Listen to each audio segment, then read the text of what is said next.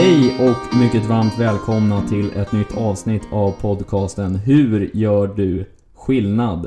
Precis som tidigare ges podden ut av Sveriges modernaste livsmedelsbutik, nämligen ICA Brottbjallen. Din podcastvärd för dagen heter Martin Larsson och jag jobbar som mediekreatör på just ICA Brottbjallen.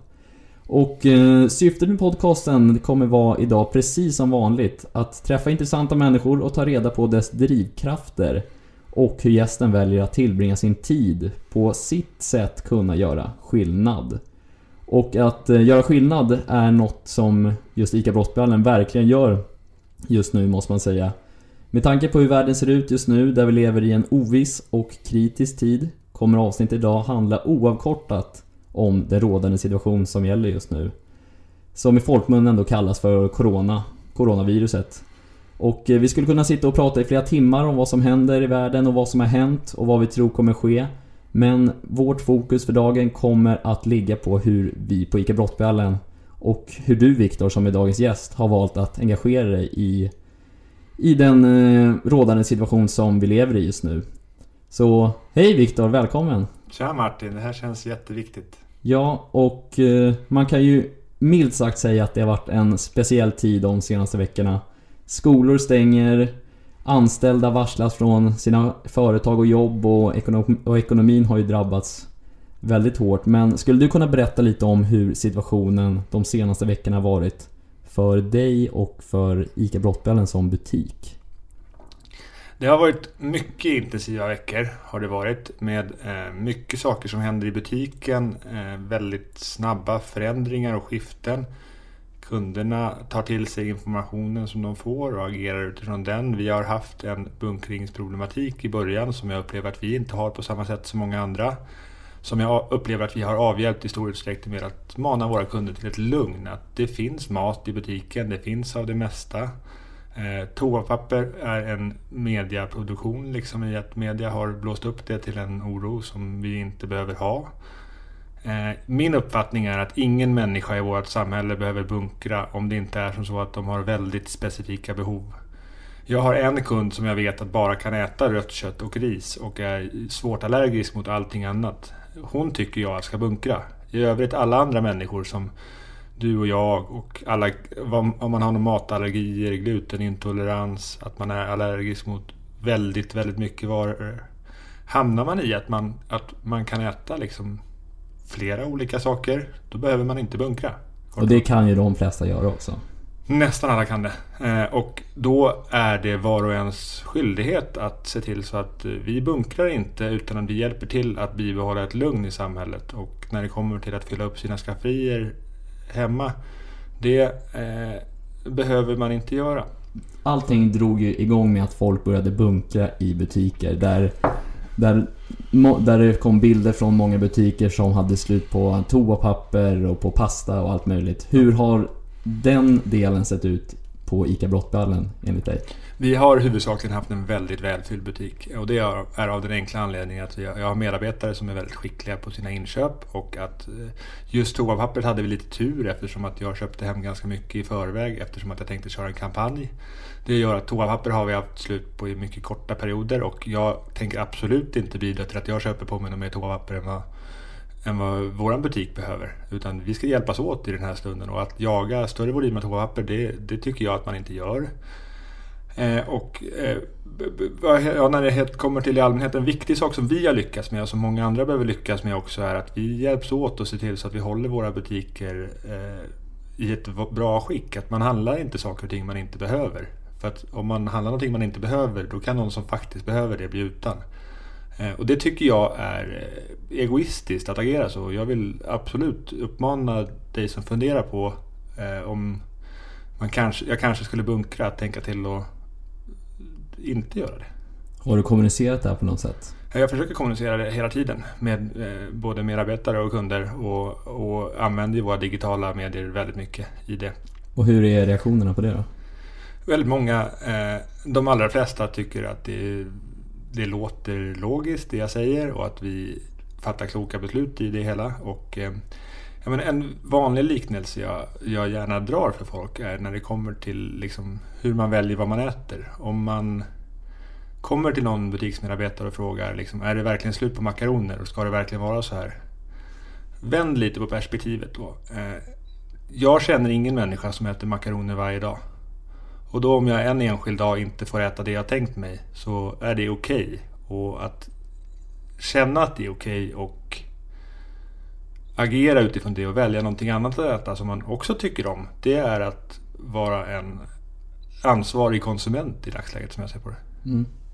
Vi ska inte fastna allt för mycket i hamstringsbeteende och bunkringsbeteende men eh, vi, vi, vi kan försöka ta det här lite från eh, första början. När kände du som ICA-handlare att det är väldigt viktigt att engagera dig i den här situationen? Mitt engagemang för det här, det vaknade kvällen den 11 eh, mars när det gick upp för mig att eh, det här är på allvar. Eh, och kommer kunna ha stora effekter på samhället i stort vår butik. Eh, och ur den aspekten så la jag ut ett Facebook-inlägg eh, på kvällen den 11 där jag eh, vädjade till våra kunder om att hjälpa till att minska spridningen av coronasmittan. Och att det vi i butiken, vi behövs i sådana här stunder som allra mest. Genom att vi är en lokal samlingsplats och finns till för våra kunder. Och ur den synvinkeln så manade jag till att folk skulle sköta sig på ett bra sätt. Då hänvisade jag inte till Folkhälsomyndigheten för de var inte lika framträdande i media just då. Men det jag ville få till var hjälp med att vi skulle kunna hålla butiken öppen. Med att jag och mina medarbetare ska hålla oss friska. Eh, för jag förstod ju redan då att det skulle bli en högre eh, sjukdomsgrad eh, än vad det är i normalfallet. Och om det skulle bli för mycket på en och samma gång så skulle vi riskera att stänga butiken. Och det skulle kunna vara ett problem för vårt lokalsamhälle. Och varför känner du att det är viktigt för dig att engagera dig i sådana här grejer? Jag vet ju att ICA-butikerna över hela landet är väldigt viktiga samlingspunkter för sina lokalsamhällen. Precis som eh, idrottsplatser, bensinmackar, eh, restauranger och sånt är. Och eh, med eh, de rollerna så medför det ett ansvar för oss att eh, vårda det förtroendet hos våra kunder. Eh, och att på så sätt bidra till liksom i den här situationen att, eh, att folk känner sig trygga. Eh, och det lärde jag mig i väldigt stor utsträckning eh, ännu mera vikten av i samband med att vi hade stormen Alfrida hos oss i Brottby och Roslagen. Som var förra året? Som var i januari 2019. Vad har du tagit med dig därifrån som du kan använda idag? Det viktigaste, den viktigaste lärdomen för min del är eh, kraften i att eh, på ett klokt sätt vidarebefordra rätt information till eh, människor i ens omgivning. Att vi lever i ett samhälle där tillgång till rätt information är det allra viktigaste för att fatta kloka beslut. Och att hitta vägar för att tillhandahålla rätt information till min omgivning är nog... Alltså det... Kan du utveckla vad du menar med rätt information? Ja. Eh, ett, eh, väldigt tydligt exempel är i samband med stormen Alfrida så, gjorde, så förmedlade vi till alla kunder bland annat att våran lokala, vårt lokala gym hade öppet för människor som ville duscha och eh, värma sig om de hade kallt hemma. Så som det ser ut just nu så förmedlar vi information att eh, hur Folkhälsomyndighetens inform- eh, rekommendationer ser ut i dagsläget och att göra det enkelt för människor att ta till sig information från källan istället för via ett eh, medie som kan ha som kan ha förändrat budskapet. Vilket jag ska vara tydlig med att även när vi spelar in en podcast så finns det en risk att utifrån hur vi pratar så kan vi förmedla ett annat budskap än vad proffsen gör och därmed vill jag uppmana att eh, sök fakta vid källan och den som vet, den som den som har mest kunskap. Och i dagsläget så är den som har mest kunskap om smittspridningen är Folkhälsomyndigheten. Som använder sig av summan av 490 yrkesprofessionella eh, i just det här fältet. Deras samlade kunskap är det de förmedlar till oss i samhället. Och eh, jag tänkte utlös, utlysa ett, eh, eh, en uppmaning till dig som tror att du vet bättre än Folkhälsomyndigheten. Jag eh, vill att du söker jobb på Folkhälsomyndigheten och eh, om du får jobb på Folkhälsomyndigheten eh, utifrån att du vet bättre än vad de är, eh, då eh, kommer jag att trippla din lön. Mm. och det är en uppmaning till alla er som är ute och skriver att ni vet bättre än Folkhälsomyndigheten. Mm, för du har ju varit väldigt tydlig i din kommunikation gällande det här att eh, du hela tiden följer Folkhälsomyndighetens riktlinjer. Ehm, och det är ju lätt annars att kunna på egen hand vara en tyckare. Men du hänvisar hela tiden till vad de säger. Ehm, finns det någon liksom förklaring till det eller? Förklaringen till det är att jag har ingen eh, professionell kompetens att bedöma de här sakerna. Jag är skicklig på att driva butik och jag är väldigt bra på att eh, kommunicera digitalt skulle jag säga. Och jag är även skicklig på att testa idéer och att våga ta ställning för det jag tror på. Eh, min kompetens ligger inte i att bedöma hur smitt, hur virusspridningen förändras och därför tänker inte jag lägga mig i den delen. Det jag tänker lägga mig i är när människor eh, driver andra agendor. Då vill jag se till att förmedla eh, den professionella samlade kompetensens bedömning. Mm. Och reaktionerna har ju varit eh, De har ju varit blandade till dig. Ja. Eh, du har fått mycket hyllningar och eh, även mycket negativt också de senaste dagarna. Kan du berätta lite om om liksom ja. folks reaktioner har varit? Ja, jag har ju upplevt ett jätteproblem den senaste veckan med att Folkhälsomyndigheten har rekommenderat att äldre människor som är 70 plus ska hålla sig ifrån eh, sociala kontakter i största möjliga utsträckning och jag har eh, förfärats över att se hur andra verksamheter har öppnat upp och på ett sätt invaggat dem i en falsk trygghet att vi har öppet för dig och vi diskriminerar ingen. För kom, ju, kom, gärna till oss. För att det är väldigt många butiker som just har avsatt en timma på mm. morgonen att låta mm. de i riskgruppen få handla i lugn och ro och så. Men det, har du inte valt att göra? Nej, eh, så är det. Eh, jag är ju proffs på vad man kan göra med en livsmedelsbutik. Och jag är... Jag har sett till så att vi har ett kunderbjudande där vi kan lova alla människor som är sjuka Eh, om eller om de tillhör någon av riskgrupperna, däribland att du är 70 plus, eh, eller om man sitter i karantän. Om man finns i Vallentuna kommun, Täby kommun eller Österåkers kommun samt Sättra i eh, Norrtälje kommun så levererar vi mat hem till dig. Och vi kommer att lösa leverans hem till dig samma dag. Eh, Eftersom att du ska inte besöka bu bu någon butik om det föreligger så här. Och när man har kommit till att man har förutsättningar att man kan lösa problemet.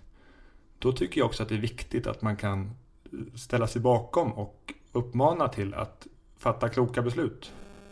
Och att fatta kloka beslut just nu är enligt, smitt, eh, enligt Folkhälsomyndighetens råd att se till att 70 plus exponeras så lite som möjligt för viruset och att alla vi övriga ser till att vi minskar smittspridningen så gott som vi kan genom att vi ser till att eh, sköta hygienen och eh, andra frågor som jag inte tänker gå in på mera eftersom att den aktuella informationen finns alltid att finna på Folkhälsomyndighetens hemsida.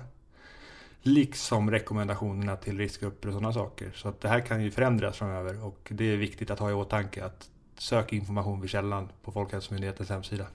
Du berättade där att du erbjuder folk i riskgruppen hemleverans samma dag som de beställer. Ja. Hur kommer man åt den här tjänsten? Ja, nu kommer vi till min expertis. Eh, hur vi i butik kan lösa problem. Eh, jag vill att du går in på vår hemsida, ICA Brottbjällen. Eh, och det är lättaste sättet att du googlar ICA Brottbjällen.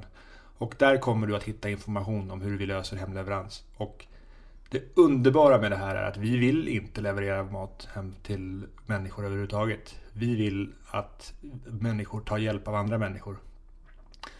Vi kommer att lösa och kan lösa åt alla att få hemleverans så länge som alla ni som inte behöver ta hjälp av oss tar hjälp av era nära och anhöriga istället. Och hela den här fantastiska servicen som vi erbjuder där bygger på att om man inte behöver oss så ska man inte använda oss. Eh, och det gör att det finns ingen människa som behöver besöka en livsmedelsbutik i, om man befinner sig i Vallentuna, Täby, Österåker eller Sättra i Norrtälje kommun.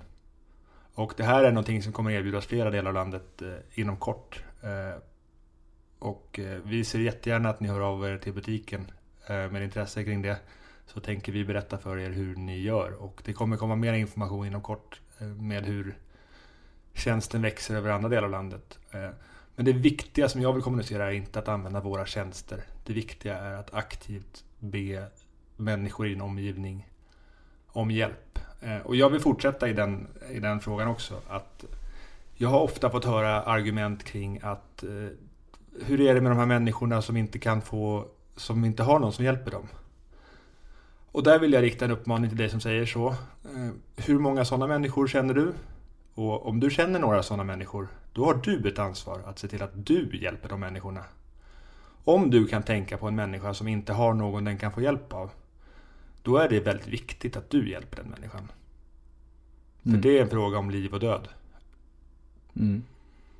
Men då om man som sagt befinner sig i riskgruppen och ska inte ut och handla i butik och som du, du säger nu inte har någon, någon närstående eller något som kan komma och handla, som kan handla mat åt en. Så har ju ICA Brottballen varit först i hela Sverige kan man säga med hjälp av appen ICA Pronto. Mm. Och där är väldigt... Kan du berätta om den? Ja, jag ska berätta om den snart, men jag ska bara förtydliga att om du är en av de här som inte har någon du kan få hjälp av, då kan du få hjälp av mig. Och då vill jag att du ringer till butiken. Och då ringer du mellan 7 och 22 så ringer du på telefonnummer 08 512 41462. Och så säger du att du skulle vilja ha hjälp av oss att få mat hem. Och då spelar det ingen roll i vilken del av landet du bor, för vi tänker hjälpa dig. Mm. Ja, Eh, då ska vi gå in på appen ICA Pronto. ICA Pronto ja, Ja. precis. Vad har vi gjort med ICA Pronto? ICA Pronto är en app som finns till för dig som inte har tillgång till hjälp av någon annan människa. Eh, så på någon människa nära dig som kan hjälpa dig att få mat hem. Och det kan vara att du behöver hjälp av den vid ett kortare tillfälle eftersom den som du behöver hjälp av har dragit på sig en förkylning eller någonting som gör att de inte heller är lämpliga att ta sig i butik. Utan det är en app som eh, först och främst ska bidra med att du har en trygghet i att veta att om du i- om du inte kan få hjälp att få mat så kan du få hjälp av oss. Eh, och den går att läsa om, om du går in på vår butikshemsida ICA Brottbyhallen. Eh, och förhoppningsvis så finns den i nästan hela landet inom väldigt kort. Eh, och det är som jag beskrev innan, eh, den tjänsten bygger på att alla som kan ta hjälp av någon annan, tar hjälp av någon annan. Och hur skiljer, hur skiljer sig den mot en vanlig onlinehandling? Den skiljer sig från en vanlig onlinehandling med att det är en expresstjänst där om du beställer i appen så kommer du att få mat hem från oss levererad samma dag. Eh, och så ser det generellt sett inte ut. Och att du får leverans hem så samma, samma dag eh, är väldigt bra och det är också jätteviktigt att du som tycker att det är bra eller bekvämt eh, tar tillräckligt ansvar att se till att det här är ingenting för dig om du inte verkligen behöver det. Och att även om du tycker att det, det här underlättar i mitt liv så just nu så vill inte jag hjälpa till att underlätta i livet för någon som klarar sig själv. Det för att du som tar den hjälpen eh, försvårar för någon som faktiskt behöver den här hjälpen för att det kan bli fullt i, våra, i vad vi kan köra även om vi tänker göra allt vi kan. Eh, och ICA Pronto är eh, ja, det är bland det häftigaste jag varit med om i hela mitt liv. Eh, jag eh, kom i kontakt med ICA Pronto i det här skedet. Eh, vi kommer senare få utrymme att utveckla hela historien om ICA Pronto. Men lite kortfattat utifrån det jag kommunicerade ut på onsdag kväll sa vi. Mm? Så blev jag på torsdag förmiddag kontaktad av Samuel Young som arbetar på ICA X och berättade för mig att Hej Viktor, vi skulle vilja hjälpa dig att hjälpa kunderna. Vilket var, ah, wow, fan schysst kontakt. Och ICA X är ICAs utvecklingshubb. Och det Samuel ville bjuda in mig på var ett samtal kring hur vi kan bygga om ICA Pronto till att bli en fullskalig e-handel som kan hjälpa eh, människor som har behov att få hem mat. För att förtydliga också att ICA Pronto är ju mer tänkt egentligen som en fodora liknande app innan. Så är det byggt från början. Ja. Men, men sedan vårt möte där så eh, har ja, från torsdag förmiddag eh, då fick jag veta att vi skulle ha möte. På fredag förmiddag bokade vi in. Och på fredag förmiddag hade vi möte. Och från fredag förmiddag där eh, och eh, en vecka framåt så cirkulerade i, mitt, i min hjärna ingenting annat än ICA Pronto. All min vakna tid, bortsett från två fotbollsträningar.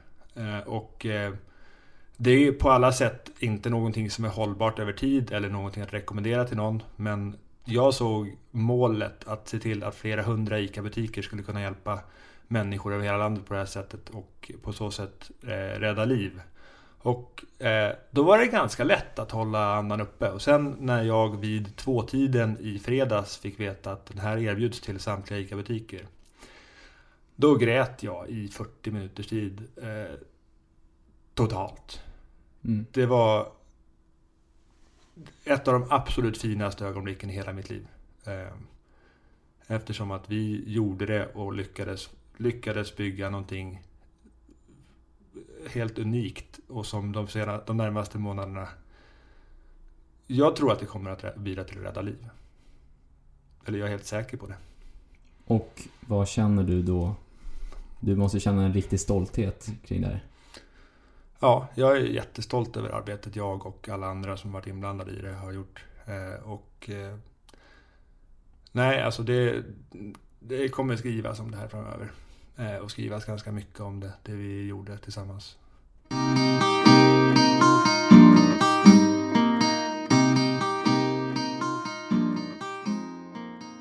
Jo, Viktor, lite kort också efter ICA Pronto lanserades så valde du även att eh, utöka möjligheten att kunna handla på ICA Brottballen ännu mer när butiken är stängd med en automat utanför butiken. Yes. Kan du berätta om tanken kring det? Ja, jag har eh, under en tid förberett en affär där eh, vi kommer att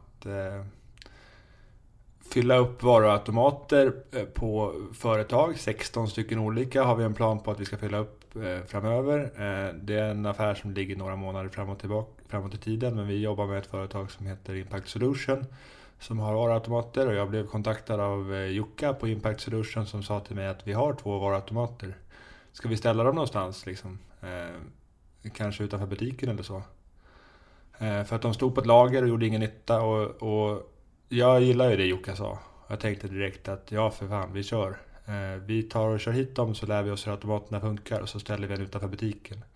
Och om vi har en varuautomat som står utanför butiken som kan vara öppet dygnet runt. Då kan vi göra service till våra kunder runt om oss och se till så att de kan handla när det passar dem. Just nu i de här tiderna så är det ju väldigt passande med att de kan handla utan att komma i kontakt med andra människor. För man ser ju om det rör sig någon annan i anslutning till den och där det kan göra en jätteeffekt för de som eh, vill vara extra försiktiga och inte vill ta sig in i butik. Eh, så står den utanför butiken och eh, den står så att man kan befinna sig på säkert avstånd från andra och eh, handla. Sen så vill vi ju liksom på alla sätt se till så att du som att alla minskar eh, smittorisken.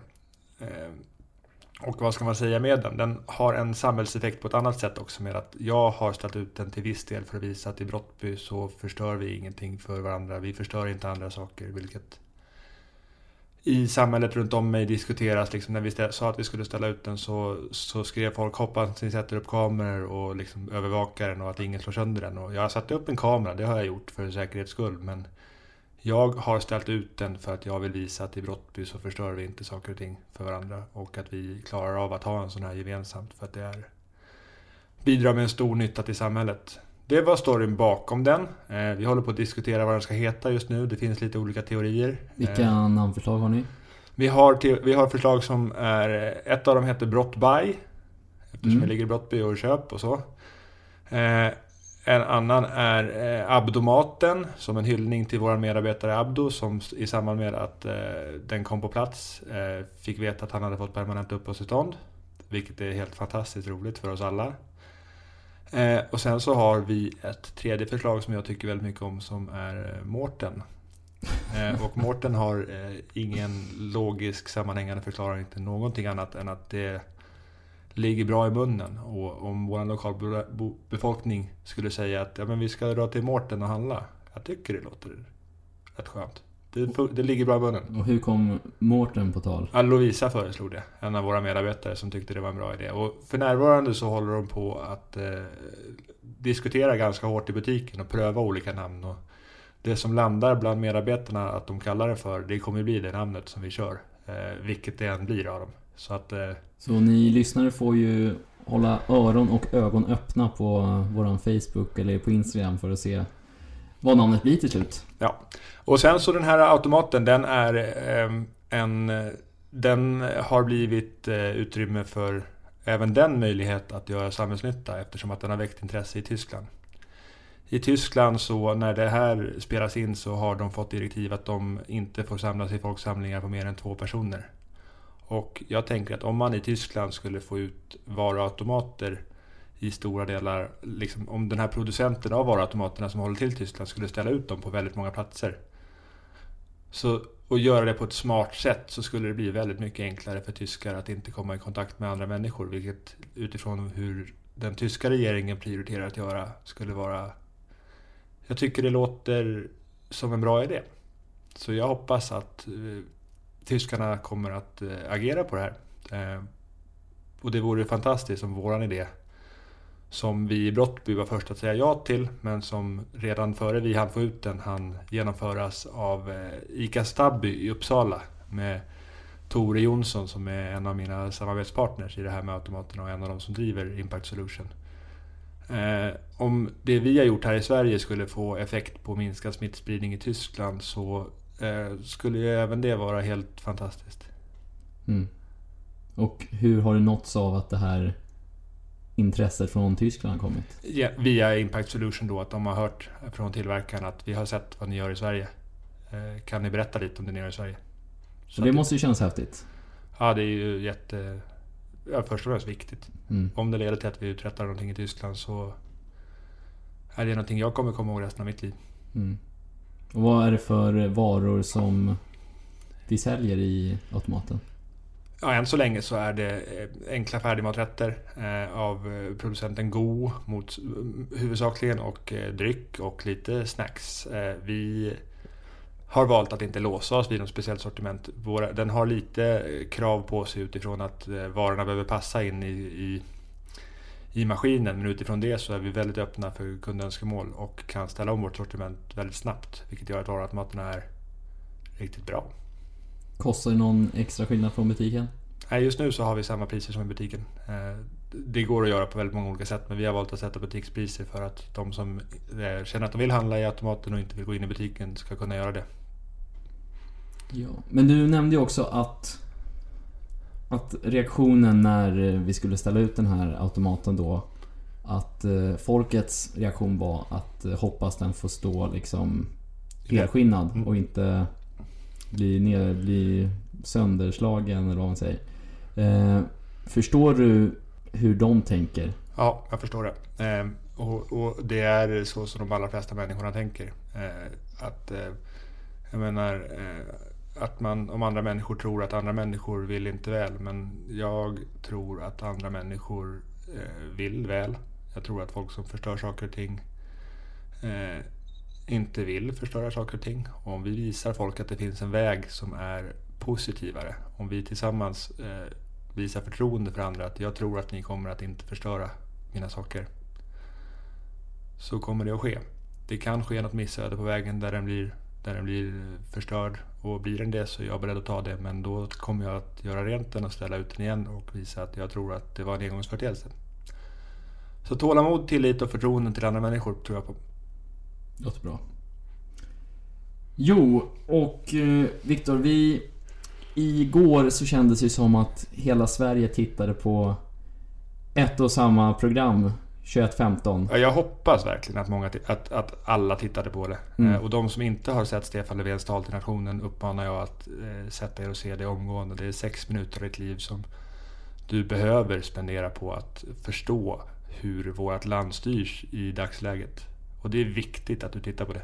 Ja, och eh, som sagt Stefan Löfven höll ett tal till nationen där han berättade om den rådande situation som vi lever i just nu.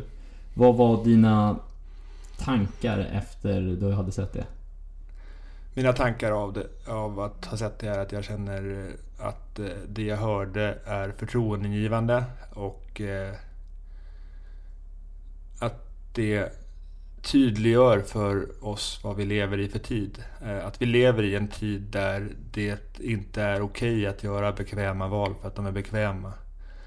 Vi lever i en tid där det finns utrymme att visa stort mod och göra saker och ting för andras skull än dig själv. Och jag tror personligen och är helt övertygad om att de av oss som vågar att göra saker som är viktiga för andra människor kommer när vi tittar tillbaka på det här som vi befinner oss i just nu att eh, uppfattas som väldigt viktiga i vårt lands historia.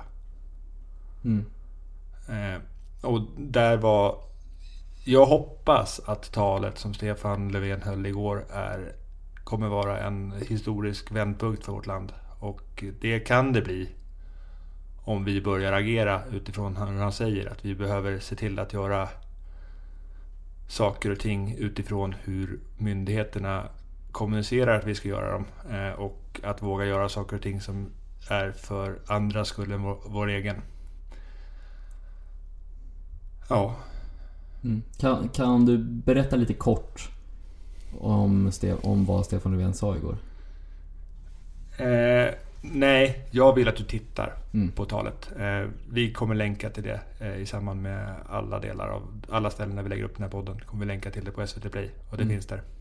Det här talet som Stefan Löfven höll innebär att ICA Brottballen har jobbat i exakt rätt riktning under hela tiden.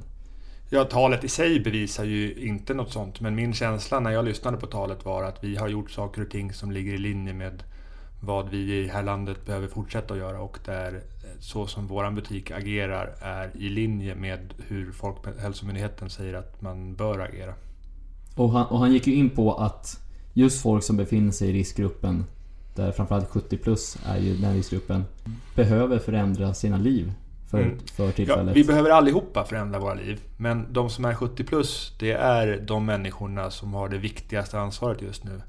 Och jag personligen är väldigt lycklig att det är just den åldersgruppen som har den viktigaste rollen att fylla. För våra 70-plussare är de människorna i vårt land som är mest rika på erfarenheter och kunskap. Och med det i ryggsäcken så har de bäst förutsättningar att fatta, fatta modiga beslut som inte är för deras egen skull utan för hela vårt samhälles skull.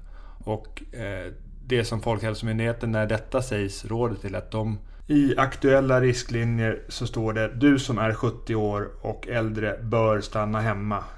Personer 70 år och äldre uppmanas att begränsa sina nära kontakter med andra så långt som möjligt under en tid framöver. Det står även du bör låta bli att åka buss och tunnelbana, handla i butiker eller vistas i lokaler där det finns många människor samtidigt. Ta istället hjälp av anhöriga eller grannar för att till exempel handla mat. Men gå gärna ut och promenera. Och för dig som inte har anhöriga eller grannar som kan hjälpa dig att handla mat så vill vi jättegärna att du hör av dig till oss på Vika Brottbjörnen. För att även om du inte bor geografiskt där vi är så vill vi hjälpa dig att ta det ansvaret som samhället efterfrågar att du tar. Men vad tänker du då när när eh, 70-plussare kommer in i butiken och struntar i Folkhälsomyndighetens direktiv? De jag träffar på pratar jag med och eh, berättar väldigt tydligt för dem att jag vill att de tar till sig Folkhälsomyndighetens direktiv direkt. Ehm, och att det handlar om att se till så att vi gemensamt bidrar till att våran intensivvård klarar av anstormningen som, som kommer när väldigt många människor blir sjuka på en och samma gång. Och vi behöver säkerställa att vi plattar ut kurvan, säger Anders Tegnell, och ser till så att så få människor som möjligt är sjuka på en och samma gång. Och eh, om vi inte lyckas platta ut kurvan och det sker att intensivvården har en högre anstormning än vad de klarar av att hantera, då kommer människor att bli utan intensivvårdsplats. Och om man blir utan intensivvårdsplats då, eh, då överlever man ju, så vitt som jag förstår, Förmodligen inte. Mm. Det här ska ta... Det, den, jag kan inte sjukvården så jag vet inte men jag förstår att det är väldigt allvarligt om intensivvårdens resurser inte räcker till. Men när, men när du pratar med dem ute i butiken, hör de vad du säger eller känner du... Får du någon mot... De allra, flesta, de allra flesta förstår det jag säger och förstår det väl. Och, eh, men de behöver ta sig lite tid, vissa av dem, att landa i att eh, hur ska jag göra för att få mitt liv att börja fungera. Och eh, ja, men jag känner extremt stor tilltro till vårt lands pensionärer. Eh, pensionärer var fel ord. Vårt lands, de som är 70 plus, att de tar till sig information och fattar kloka beslut utifrån information. Jag tror att det kommer ske och eh, att det kommer ske den här veckan hoppas jag verkligen att vi landar i att vi att de inte kommer till butiken själva utan ser till att aktivt ta hjälp med butiksbesök och annat som de behöver hjälp med. Och vi andra bör hjälpa dem. Vi bör inte hjälpa dem, vi ska hjälpa dem. Jag Och- tänker ta mitt ansvar. Och du gick ju ut med ett eh, Facebook-inlägg under, går, under gårdagskvällen. Ja. Där eh, du uppmanade allt det här som du sitter och säger nu. Där du stötte på väldigt mycket Mm. Mothugg. Ja. Kan du berätta om några kommentarer du Ja. fick där? I, hos oss på ICA Brottbjallen så har vi varje måndag eh, sedan flera år tillbaka en pensionärsrabatt. Att alla som har, från månaden att man fyller 65 så får man 7% rabatt på köp på måndagar. Och eh, när vi har gjort de här ställningstaganden och vi har som vi har gjort utifrån Folkhälsomyndigheten och när jag har läst och hängt med på hur Folkhälsomyndighetens eh, direktiv eh, uppdaterar sig så har jag landat i att eh, jag har ett alternativ för alla människor att få mat hemlevererad från butiken. Eh, Det är heltäckande. Det finns ingen som behöver ta sig in i min butik om de är 70 plus. Och då tänker jag utifrån de förutsättningarna inte medverka till att någon människa som är 70 plus tar sig in i butiken. Och med det sagt så gick jag ut och kommunicerade att vår pensionärsrabatt gäller för dig som är 65 till ja, strax under 70. 69. 65 till 69 år gammal. Du som är det får din pensionärsrabatt som vanligt på 7%. Du som är 70 år eller äldre, du får din pensionärsrabatt om du tar hjälp att handla i butiken. Eh, om du kommer in och handlar i butiken själv så kommer vi kontrollera via lägg. Eh, om du är mellan 65 och 69 och är du äldre, då får du inte rabatt. För jag vill inte, som, jag vill inte medverka till att människor exponerar sig för viruset när de inte behöver det. Och är man 70 plus, då då kan man få hjälp av oss och det kan man få i alla fall också. Om man är sjuk eller placerad i karantän eller riskgrupp av annan anledning. Eh, det som är eh, det fina i min idé här också är att eh, de som är 70 plus och får hjälp med sina inköp, de, kom, de som handlar åt dem, de erbjuder vi också 7% på sitt köp. Så att du har möjlighet att hjälpa en 70-plussare och att handla. Eh, Din farmor, eh, din mamma, eh, din granne, Vem som helst. ja, din gamla lärare eller så. Du kan hjälpa vem som helst och när, för att du hjälper dem så får du även 7% på ditt eget köp utöver att de får 7% på måndagar hos oss. Eh, och det är hur vi hanterar vår pensionärsrabatt. Och väldigt många har blivit väldigt arga på mig kring det här. Och eh, det är åldersrasism och åldersdiskriminering. Och eh, Eh, det, det är dumt och elakt mot de som är äldre. Jag som ICA-handlare får ju välja själv vem jag vill ge rabatt i min butik. Och här tycker jag att jag hittat en klok lösning. Eh, och det jag vill göra med det här är att jag vill eh, se till att alla tar till sig Folkhälsomyndighetens direktiv. Eh, I synnerhet de som är 70 plus. Men jag vill få folk att ta till och söka information från källan. Och eh, i och med att jag kunde stå för mitt beslut så beslutade jag redan igår att jag skulle lägga sponsrade pengar riktade enbart till de som är 65 plus för att visa upp det här. Fast att jag visste att, de, att väldigt många blev väldigt provocerade av det. Så att jag köpte ökad spridning för att tydligare visa upp det här för dem. Eh, och har sedan suttit och svarat på så mycket jag hunnit av deras inlägg. Och det är ganska mycket. Har du väl sett Martin? Ja, jag har lagt mycket tid och energi på det. Mm. Och det går att bemöta saker och ting så. Det man får lära sig där är att hitta ett sätt att snabbt kunna klippa och klistra och förmedla fakta och information som man vill att de ska läsa. Och i det här fallet Folkhälsomyndighetens direktiv och eh, Stefan Löfvens tal. Som jag tycker är två viktiga saker idag att förmedla till folk. Hur Hur bemöter du hatet då? Eller alltså, rinner det av det eller tar du till det också? Jag har fått ta emot eh, väldigt mycket kritik av alla de slag den senaste veckan. Att jag tycker att eh, butiker inte ska ha öppet en timme extra för seniorerna. Tycker jag är väldigt viktigt. Eh, och väldigt många tyckte att jag har varit väldigt dum som har agerat så eftersom att det gör ju att de kan hålla sig ute när det är mindre eh, människor ute och eh, mindre eh, folksamlingar. Jag tycker att det är fel väg att gå. Eftersom att jag vill att man ska göra sitt bästa i allt man kan i livet och att göra sitt bästa som 70-plussare och butik är att säga att eh, att uppmana till att i första hand be om hjälp. Att be om hjälp av en annan människa är eh, viktigt att våga göra. Det är fint, det skapar och bygger relationer på ett härligt sätt som är bestående över tid. Eh, och att det bör vara förstahandslösningen. Be någon om hjälp att sköta inköpen. Eh, och som jag ser på det, om, inte, om en människa inte har någon att be om hjälp. Där kommer vi, butik, vi butiker in i bilden. Mm. Om en människa inte har någon att be, be om hjälp och sen hör av sig till våran butik. Då tänker jag hjälpa dem. Jag tänker flytta allt övrigt jag har för att hjälpa en annan människa. Mm. Och jag tycker det är väldigt viktigt att förtydliga att du gör ju inte det här för att vara elak eller diskriminerande mot någon grupp egentligen. Utan du gör det här för att du vill minska smittspridningen. Jag gör det för att jag vill minska smittspridningen av den enkla anledningen att jag vill att intensivvården ska ha kapacitet att ta hand om de människorna som blir sjuka. Mm. Ja, och eh, jag tycker vi ska gå vidare lite. Eh, att eh, med ekonomin har ju drabbats ganska mycket av det här, av Ja. det som råder. Ja, och det är allvarligt. Allvarligt samhällsekonomi. Ja. Eh, vad är dina spontana tankar? Jag eh, ser att väldigt många eh, far illa i den här situationen. Att de riskerar att bli av med sina jobb. Att folk blir stressade över vad ska hända med mitt liv och så. Och där jag tror att det finns en lugn och sansad väg att göra så att de ekonomiska effekterna av det här blir så små som möjligt.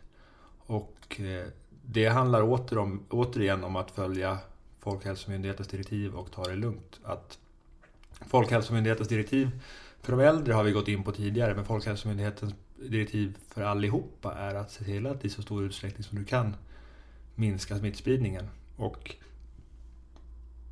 det kan du läsa om hur man gör. Folkhälsomyndigheten.se tror jag att det var. Mm. Och om det, jag, jag anser att det är var och ens skyldighet att dagligen följa, följa vad som står på Folkhälsomyndighetens hemsida eh, för att hålla dig uppdaterad hur du bör agera. Eh, och det handlar om att sköta din hygien på ett sätt som gör att du eh, inte riskerar att dra på dig smittan i onödan. Det handlar om att om du är sjuk så ska du stanna hemma. Och en rad andra saker som, som, som går att läsa om på deras hemsida. Och det gäller att ta det på allvar. Om du är sjuk och möter andra människor så bidrar du till att du ökar smittspridningen. Eh, det är inte hundraprocentigt säkert att de är smittade. Men du ökar risken för det. Och det är eh, ett felaktigt beslut. Eh, med det sagt, om du är frisk och bör klara av att vistas bland folk, då ska du inte vara rädd för att bli sjuk. Eftersom att om du blir sjuk så ska det finnas platser för vården att hjälpa dig att bli frisk igen. Och om du är ung så löper du inte speciellt stor chans att dö utifrån hur jag förstår det.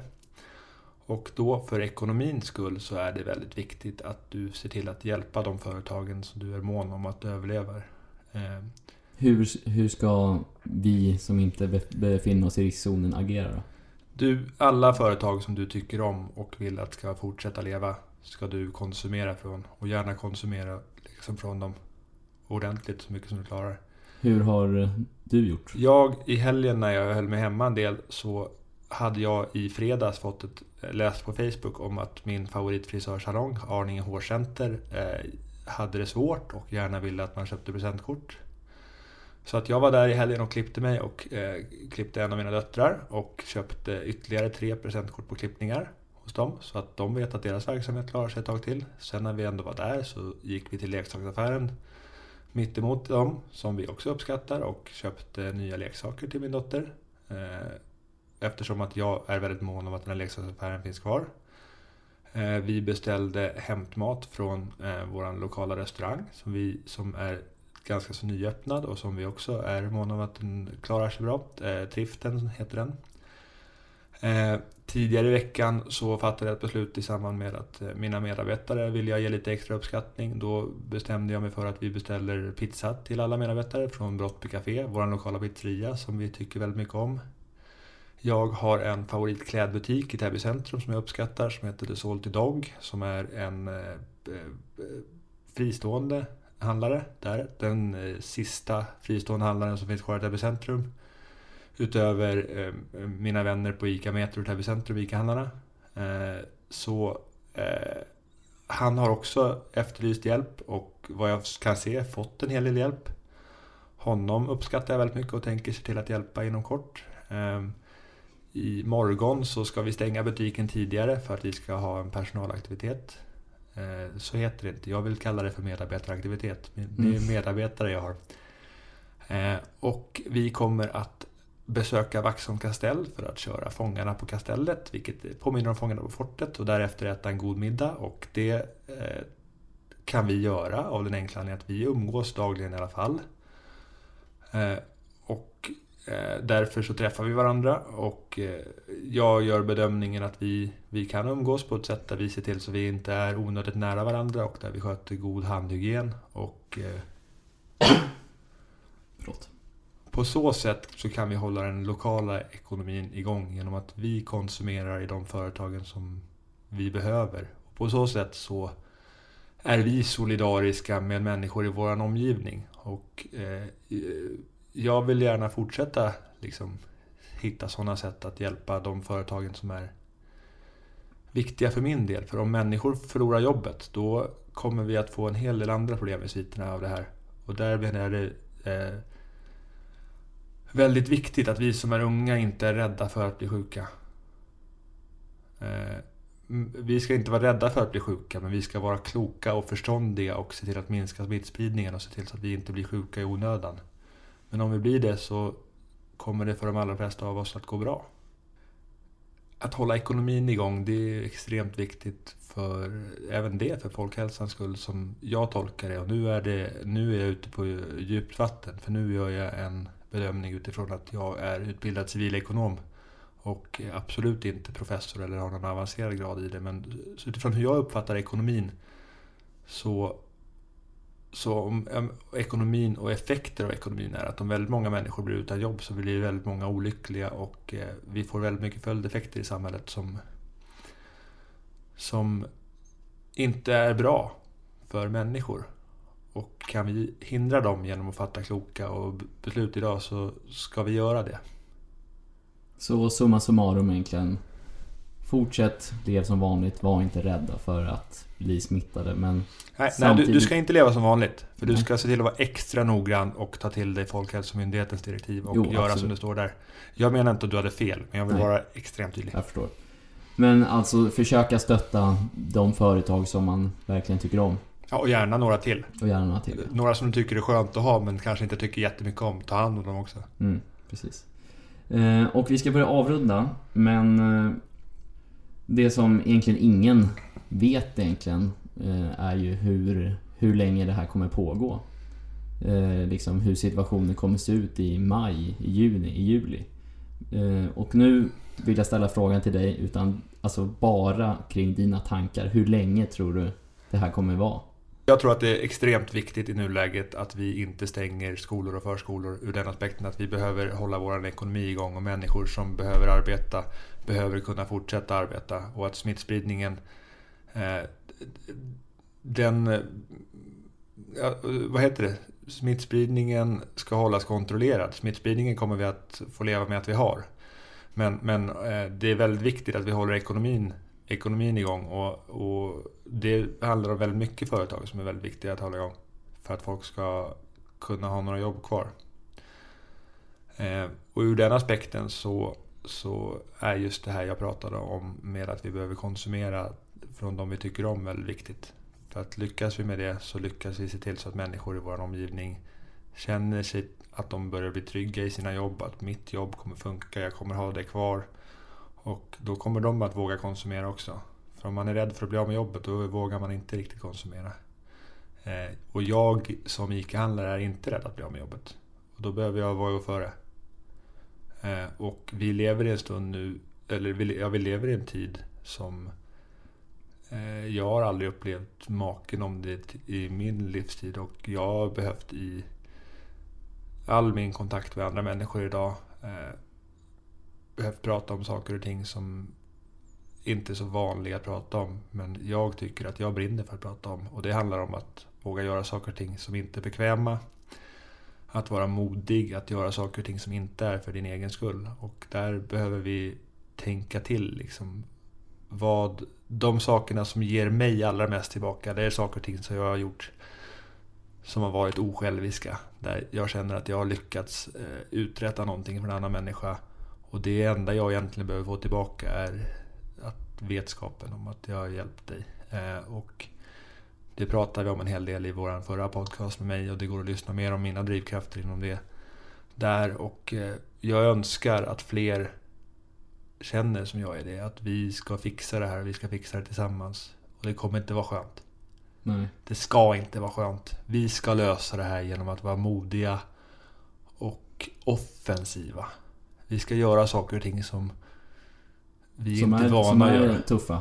Ja, väldigt tuffa. Och, Mm. och, och, och det, det är någonting som är viktigt för att få till det. Det kräver att man tror på sin egen förmåga och eh, känner att det går, jag kan göra väldigt mycket.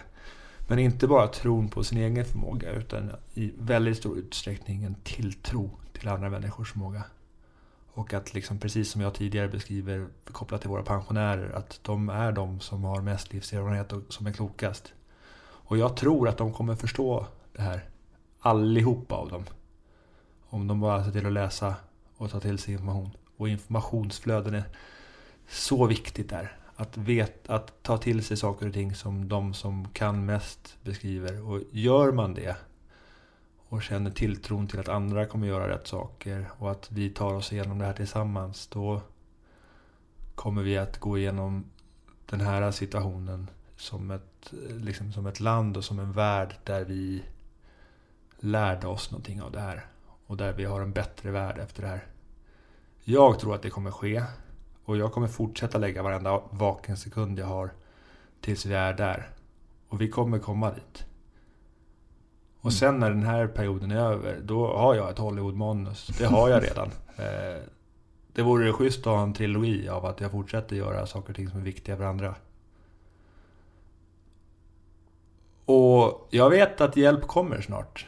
Jag vet att snart så kommer det vi har lagt ner tid och energi på att göra via vår butik. Andra kommer förstå att det är bra. Vi kan det. Vi kan göra stora saker om vi bara tror på vår förmåga att förändra världen. Och eh, jag har aldrig känt mig så levande som just nu. För att jag vet att vi förändrar världen just nu. Så om 40 år så är du 72 år gammal. Eller Ja, hur? stämmer. 73, 72. Ja. Hur tror du att du kommer se tillbaka på den här tiden då? Med stolthet. Ja. Jag kommer vara... Ja. Jag vet att jag kommer vara oerhört stolt över att jag följde mitt hjärta och gjorde det som var det som var rätt. Och inte rätt eller bekvämt för mig. Utan rätt och viktigt för alla i min omgivning. Rätt och viktigt för Sverige, rätt och viktigt för världen. Och jag kommer vara stolt över det. Och jag kommer vara oerhört stolt. Och... Eh, så är det. Fint. Med de orden tycker jag vi avslutar dagens avsnitt av Hur gör du skillnad?